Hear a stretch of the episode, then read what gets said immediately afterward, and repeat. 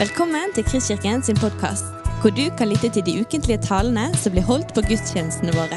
Vi håper denne podkasten vil inspirere og utfordre deg til å kjenne Gud, elske mennesker og tjene vår verden. Vi skal hoppe inn i, i Guds ord sammen. Eh, si at Jeg heter Kristoffer. Jeg er 40 år gammel. Tilfelle det er nye mennesker som ikke har møtt meg før. Jeg er en del av eh, lederskapet her i Kristkirken. Jeg er gift med Miriam, jeg har tre barn. Og så uh, bruker jeg hverdagene mine som uh, lærer. Men det vi skal i dag uh, hoppe inn i del to av en taleserie. Og i dag så har jeg valgt å, å kalle det vi skal snakke om, for 'Jeg har ikke råd til å la være å gi'. Så er det sånn at uh, Når vi holder på i, i, det temaet her Jeg håper dere ble saftig oppmuntret forrige søndag av Thomas sin tale. Den var knallbra. Hvis du ikke har hørt den, så vil jeg anbefale å laste den ned på podkast. Uh, når vi går inn i det litt sånn vanskelige temaet her, så, uh, så, er det på en måte et premiss og, og, gjerne to ønsker som ligger litt sånn til grunn. premisset det er at, at vi tror i utgangspunktet at alle som er en del av Kristkirken, de forvalter klokt og, og, og, styre sine penger etter eget hjerte og etter Guds prinsipper. Sånn at det ikke er et ønske om liksom at her må vi endre på noe, eller her er vi bekymret. Um, og så er det på en måte to, uh, to, ting som motiverer oss til å snakke om dette. Uh, den ene tingen som motiverer oss til å, å, være frimodige når vi snakker om penger, det er at vi tror at vi i Kristkirken har et kall. Vi tror helt seriøst at vi har et kall. Et kall til å kjenne Gud, til å elske mennesker og til å tjene vår verden. Og, um, og Vi lengter etter mer. Vi ser at vi er en menighet, et fellesskap som er i vekst. Eh, sånn at Vi hører det om Kanalu, men vi ser det òg på veldig mange områder. Og Vi ønsker å nå lenger ut med evangeliet. ikke det et greit utgangspunkt? Sånn? Eh, men da er det også sånn at da må vi òg bygge økonomi for å kunne gjøre enda mer. Og Det er en del av, av motivasjonen for å snakke om dette. Men eh, hovedmotivasjonen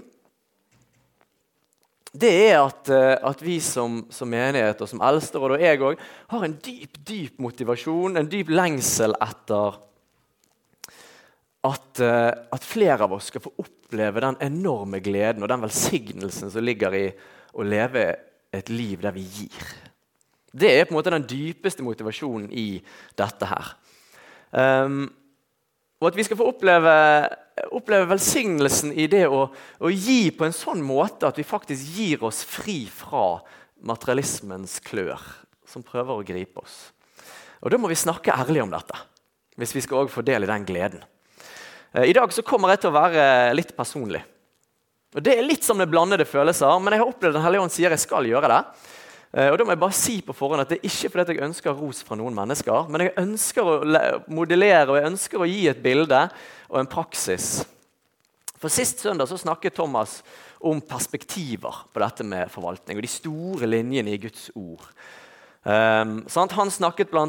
om hvordan pengene våre ikke skal stoles på, men forvaltes med tanke på evigheten. Nå skal vi se om jeg får skrudd meg på. 1. Tim 6. Forman den som er rike i denne verden, at de ikke må være overmodige og ikke sette sitt håp til den usikre rikdommen, men til Gud, Han som gir oss rikelig av alt for at vi skal nyte det. De skal gjøre godt, være rike på gode gjerninger og være gavmilde og dele med andre. Slik samler de seg en skatt som blir en god grunnvoll for fremtiden, så de kan vinne det virkelige livet. Videre så snakket Thomas om eh, hvordan penger i seg sjøl ikke er ond, men det er kjærligheten til penger som er roten til alt ondt. Og Materialismen den er ikke nøytral, men materialismen den drar oss faktisk vekk fra tilliten til Gud.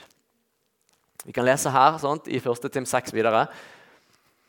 Tomhendt kom vi inn i verden, og tomhendt må vi forlate den. Har vi mat og klær, skal vi nøye oss med det. Men de som vil bli rike, faller i mange fristelser og snarer og gripes av mange slags tåpelige og skadelige begjær, som styrter mennesker ned i undergang og fortapelse. For kjærligheten til penger er roten til alt ondt. Drevet av den er mange ført vill bort fra troen og har påført seg selv mange lidelser.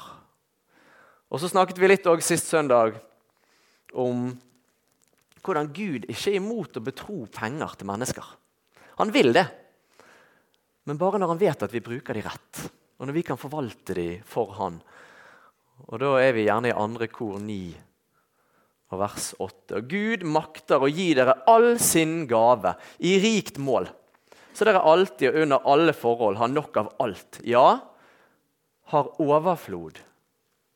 Og ikke til oss sjøl, men til all god gjerning. Og Der la Thomas et grunnlag sist. Og så trenger jeg nåde fra dere, for jeg har tenkt i dag å være rett og slett, uh, gå litt uh, videre fra prinsippene og gå over i praksisene. Hvordan kan dette se ut? Og Da har jeg tenkt egentlig å prøve å svare på følgende tre spørsmål. Så konkret skal vi være. Hvor mye sier Bibelen at jeg skal gi? Hvordan skal jeg gi? Og hvem skal jeg gi til? Blir det mer konkret enn det?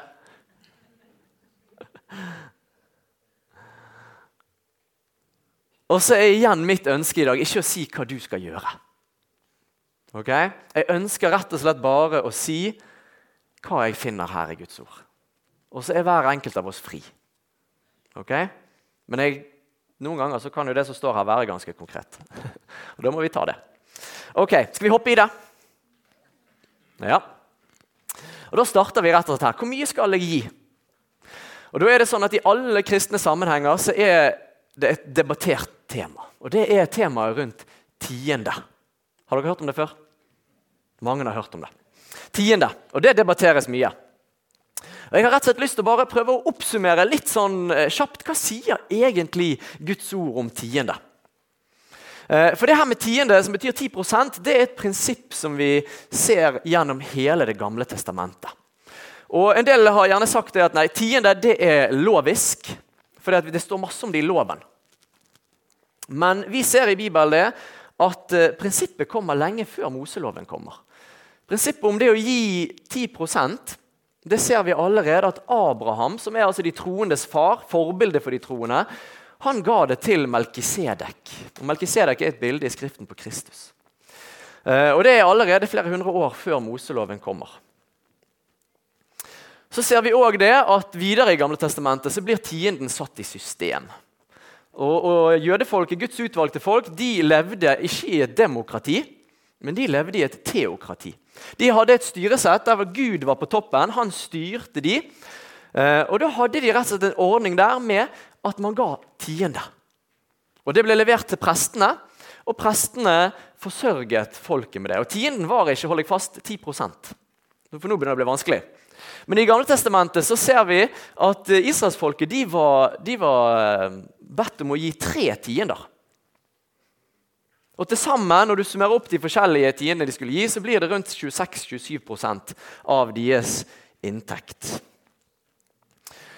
Så går vi videre inn i Det nye testamentet, og så ser vi der at der snakkes det ikke så mye om tiende. Det nevnes av Jesus en gang. Men Det nye testamentet gir egentlig ingen sånne klare forordninger eller bud om hvordan vi som hedningekristne skal forholde oss til tienden. I det hele tatt så ser vi at Når vi går inn i Det nye testamentet og, og, og ser på hvor mye skal vi som kristne gi, så, så er det ingen klare retningslinjer på det. Men det finnes flere eksempler på mennesker som Jesus møter og prater med. og Vi ser flere eksempler i eh, brevene på hvordan de første kristne praktiserte dette. Men vi finner ingen sånn klar normativ regel. Sånn skal det være. Eh, vi møter den rike unge mannen i Matteus 19, mange kjenner historien, hvor Jesus utfordrer ham på å gi alt han eier. Og så er ikke det, det at Jesus er ute etter pengene, og Jeg vet egentlig ikke om, om, Jesus ville tatt alle pengene hvis han fikk de, eh, men han er jo i den historien ute etter hjertet til mannen. Sånn? Er du helt med meg, eller er du fortsatt litt knyttet til det materielle her. Vi møter Sakkeus i Lukas 19, som eh, har lurt mennesker. og Så sier han jeg skal gi de jeg har lurt, firedobbelt tilbake. Og alt annet jeg tjener, det skal jeg gi halvparten av.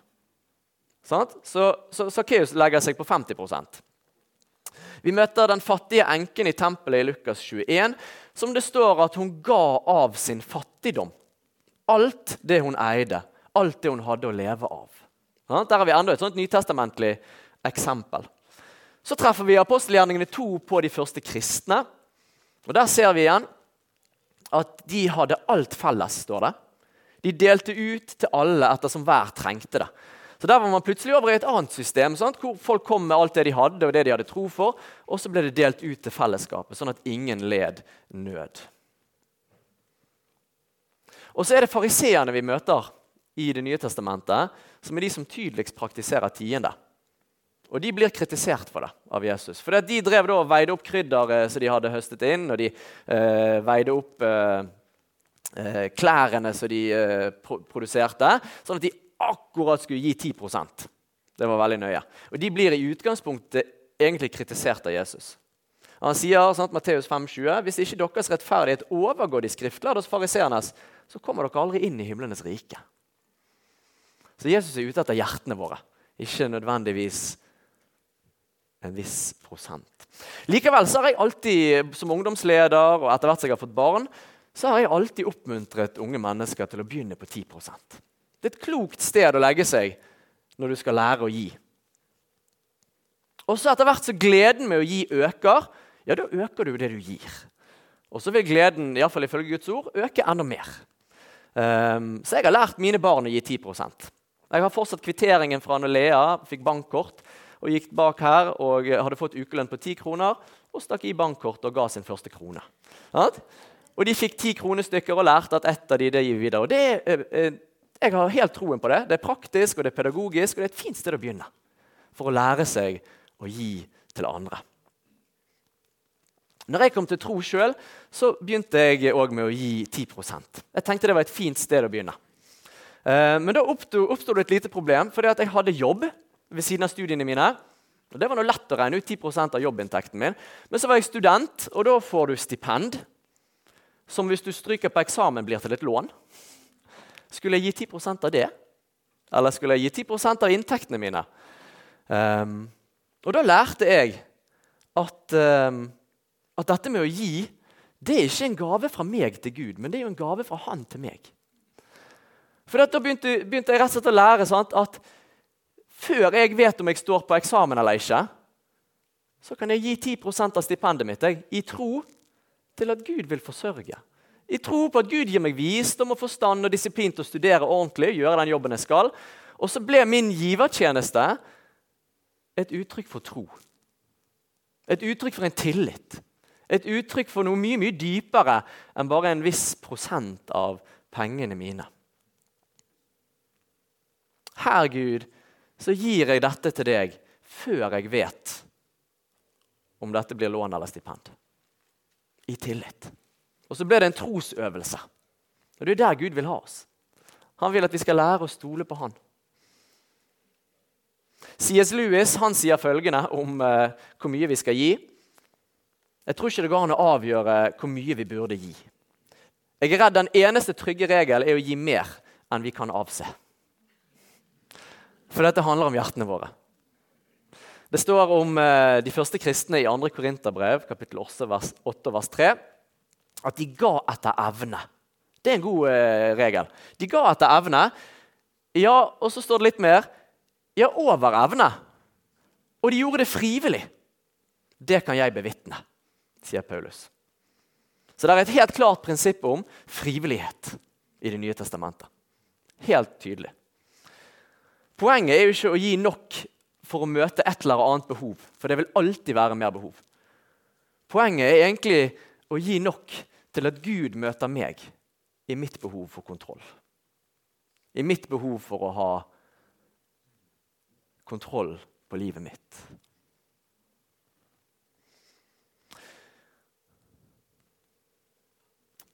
Og Selv om prinsippet med tienden ikke nødvendigvis er normativt, i Det nye testamentet for oss kristne, så er det noe med det gammeltestamentlige prinsippet her som er fantastisk bra.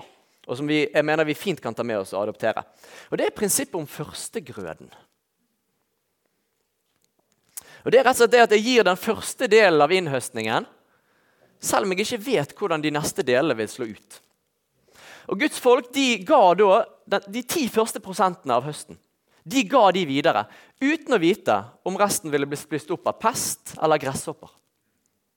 For det var et uttrykk for tillit til at Gud, se her, jeg stoler på deg med min økonomi. Og så stoler jeg på at du gir oss det vi trenger. Så førstegrøden er et uttrykk for troen. Det er ikke arbeidsgiveren min eller staten som er min forsørger. Men jeg stoler på deg, Gud. Vær så god. Vi ser det med Kain og Abel. Jeg vet ikke om dere har lagt merke til det, men, men, men Gud tar imot Abel sitt offer, men ikke Kain sitt. Og Forskjellen på ofrene deres var det at Abel han ofret førstegrøden av det han hadde. Mens Kain han ga en del av det han hadde, og, ofret det. Hjemme hos oss så har alltid lønningsdag det har vært giverdagen vår. Den dagen vi får lønn, da gir vi. Før vi vet hvilke uforutsette utgifter som kommer i løpet av den neste måneden.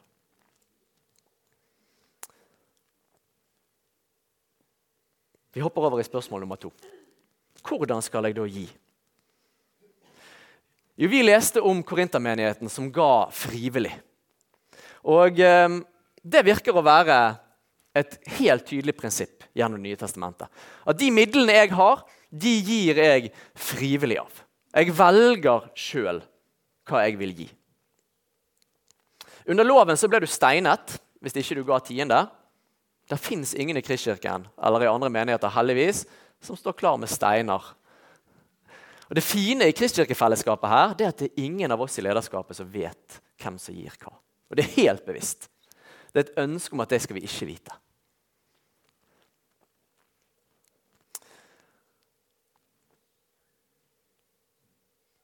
Andre kor 9 og vers 7. Enhver skal gi det han har bestemt seg for i sitt hjerte. Ikke med ulyst og ikke med tvang.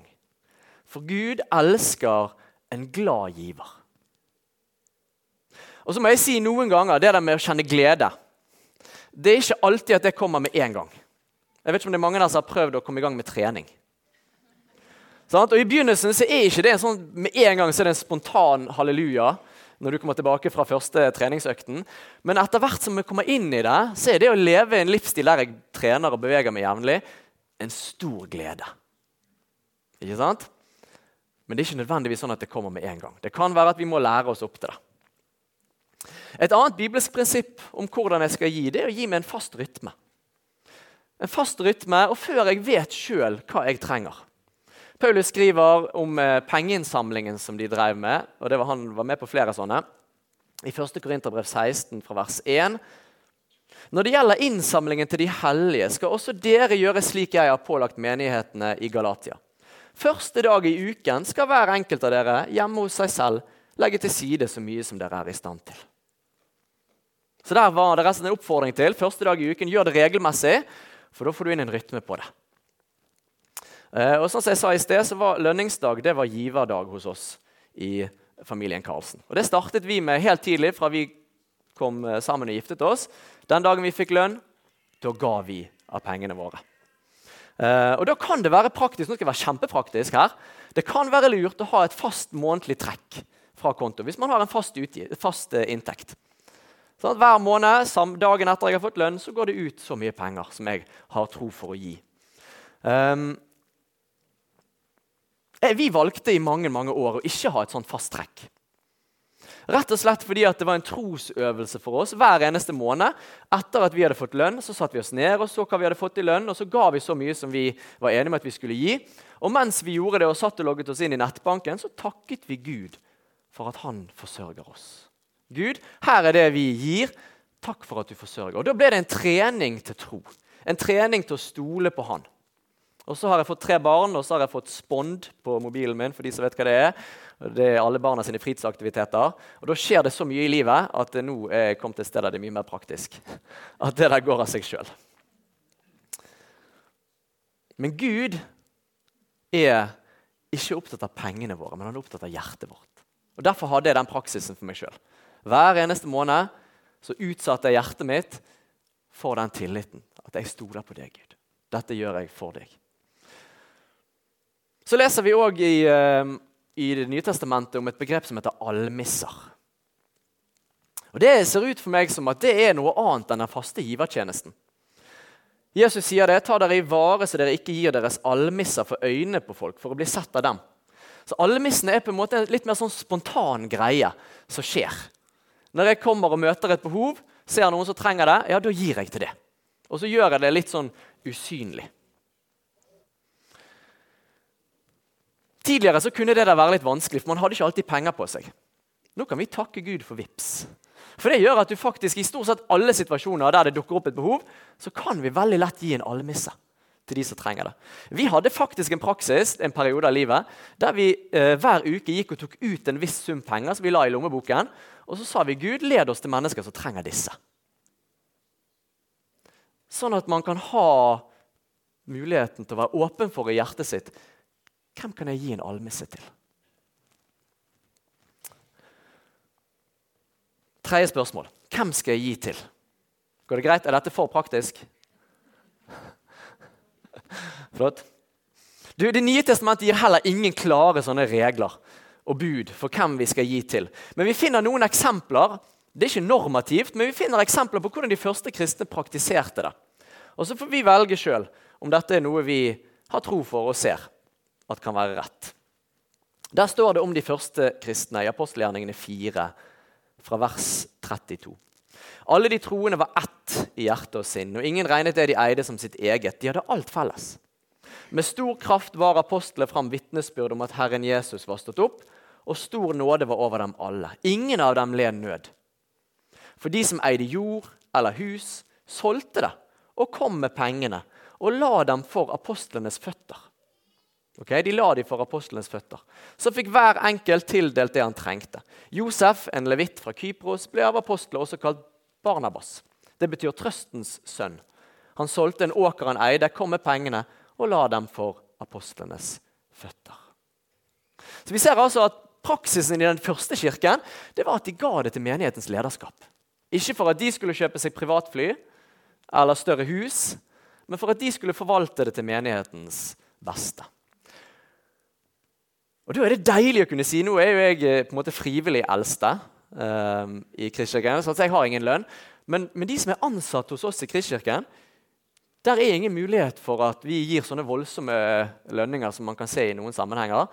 For vi følger rett og slett den samme eh, listen med lønninger som Den norske kirke gir til sine prester. Det tenker vi er helt trygt og enkelt, og det er nok til å leve.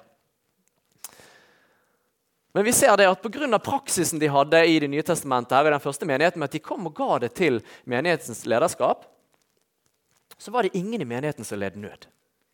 Og Vi vet at den første kirke drev omfattende virksomhet med hjelp til enker, til fattige og foreldreløse. Vi ser også at Paulus flere ganger går i bresjen for innsamlingsaksjoner. i det nye testamentet. Og Hver gang da så er det det samme. De samler inn penger, og så sendte de pengene til Jerusalem-menigheten. Og Så sa de dere forsørger, dere ordner og fordeler. Vi stoler på det.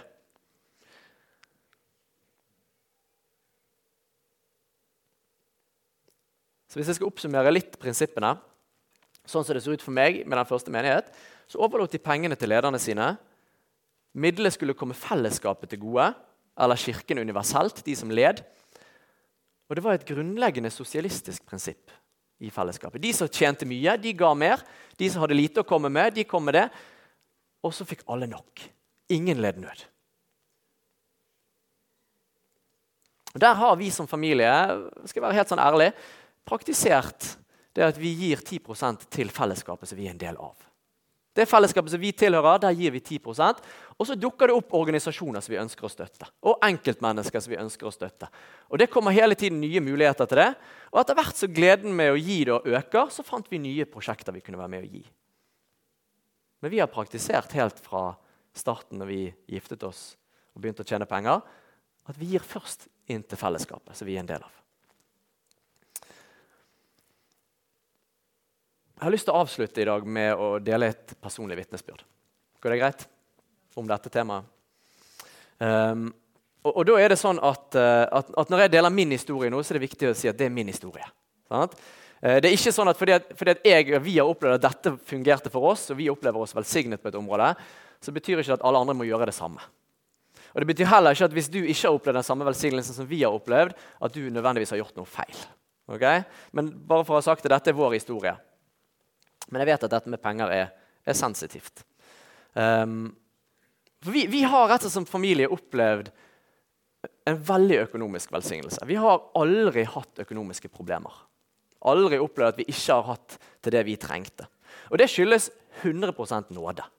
Det er ikke fordi vi er kloke og, og, på en måte har gjort alt rett. Men vi opplever at det er nåde. Men vi har fått nåde til å gjøre to ting som jeg har lyst til å, å, å dele. Den ene tingen er at vi har overlatt vår økonomi til Gud. Sånn hans prinsipper og hans praksiser og det at vi har vært rause med å gi ut, det har vært en del av prinsippet for oss som familie. Eh, det andre som, vært, eh, som vi har fått nåde til, det er at vi, både Miriam og meg er vokst opp i arbeiderfamilier uten mye penger. Så vi har lært fra vi var små, nøysomhet og sparing. Og det er dypt bibelske prinsipper. Les ordspråkene om de temaene der. Så Vi har for sagt at vi vil, vi vil ikke låne penger til bil. Vi har aldri kjøpt en bil. Jeg har en maksgrense på bil, og mine kompiser ler av meg. Men jeg betaler ikke mer enn 100 000 for bil. Jeg vil ikke det. For det er mye penger. um, når vi etablerte oss, så var vi helt bevisst på at vi kjøpte et mindre hus enn vi kunne. Banken sa at dere kan få låne så mye. Nei, det vil ikke vi. Vi vil ikke låne opp til pipen. For vi har lyst til å være hjemme med barna våre. Vi har lyst til at en av oss skal kunne være hjemme i, i ulønnet permisjon med barna våre helt til de blir store nok til at vi tenker barnehage er rett for dem. Vi har kjøpt mye brukt og brukt mye det vi har kjøpt. Vi har prioritert billige ferier med familie og med venner nær til der som vi bor. Og når vi har pusset opp, så har vi alltid gjort det sjøl med billige løsninger. Obs-bygg fantastisk mye bra der. og alt vi har klart å spare opp, det har vi brukt til å betale ned på lån. Og Jeg tror at dette er visdom. Jeg tror at det er bibelsk eh, riktig. og vi har, Derfor har vi praktisert sånn. Så er Det sånn at det er Gud som gjør rik, det er Gud som gjør rik, det er ikke vårt eget strev. Sant? Så det handler om nåde. Men da er det jo òg sånn, og dette leste vi i 2. kor 9,8, at Gud makter å gi oss eller gi dere all sin gave i rikt mål, så dere alltid og under alle forhold har nok av alt. Ja, overflod til all god gjerning. Og Det å få leve med en overflod til all god gjerning, det er en glede. Og Den situasjonen havnet vi i som familie i 2018. Og Da skal jeg dele en, en, veldig personlig historie med dere. og Det kan godt være at vi sletter denne fra podkasten, men det er veldig kjekt å dele med, det, med familien her i Kristkirken. Um, og jeg tror at det kan være til solid oppmuntring. Du har lyttet til en podkast fra Kristkirken i Bergen. Vi håper du har blitt inspirert og utfordret i din vandring med Gud. Vil du vite mer om oss, så klikk deg inn på kristkirken.no.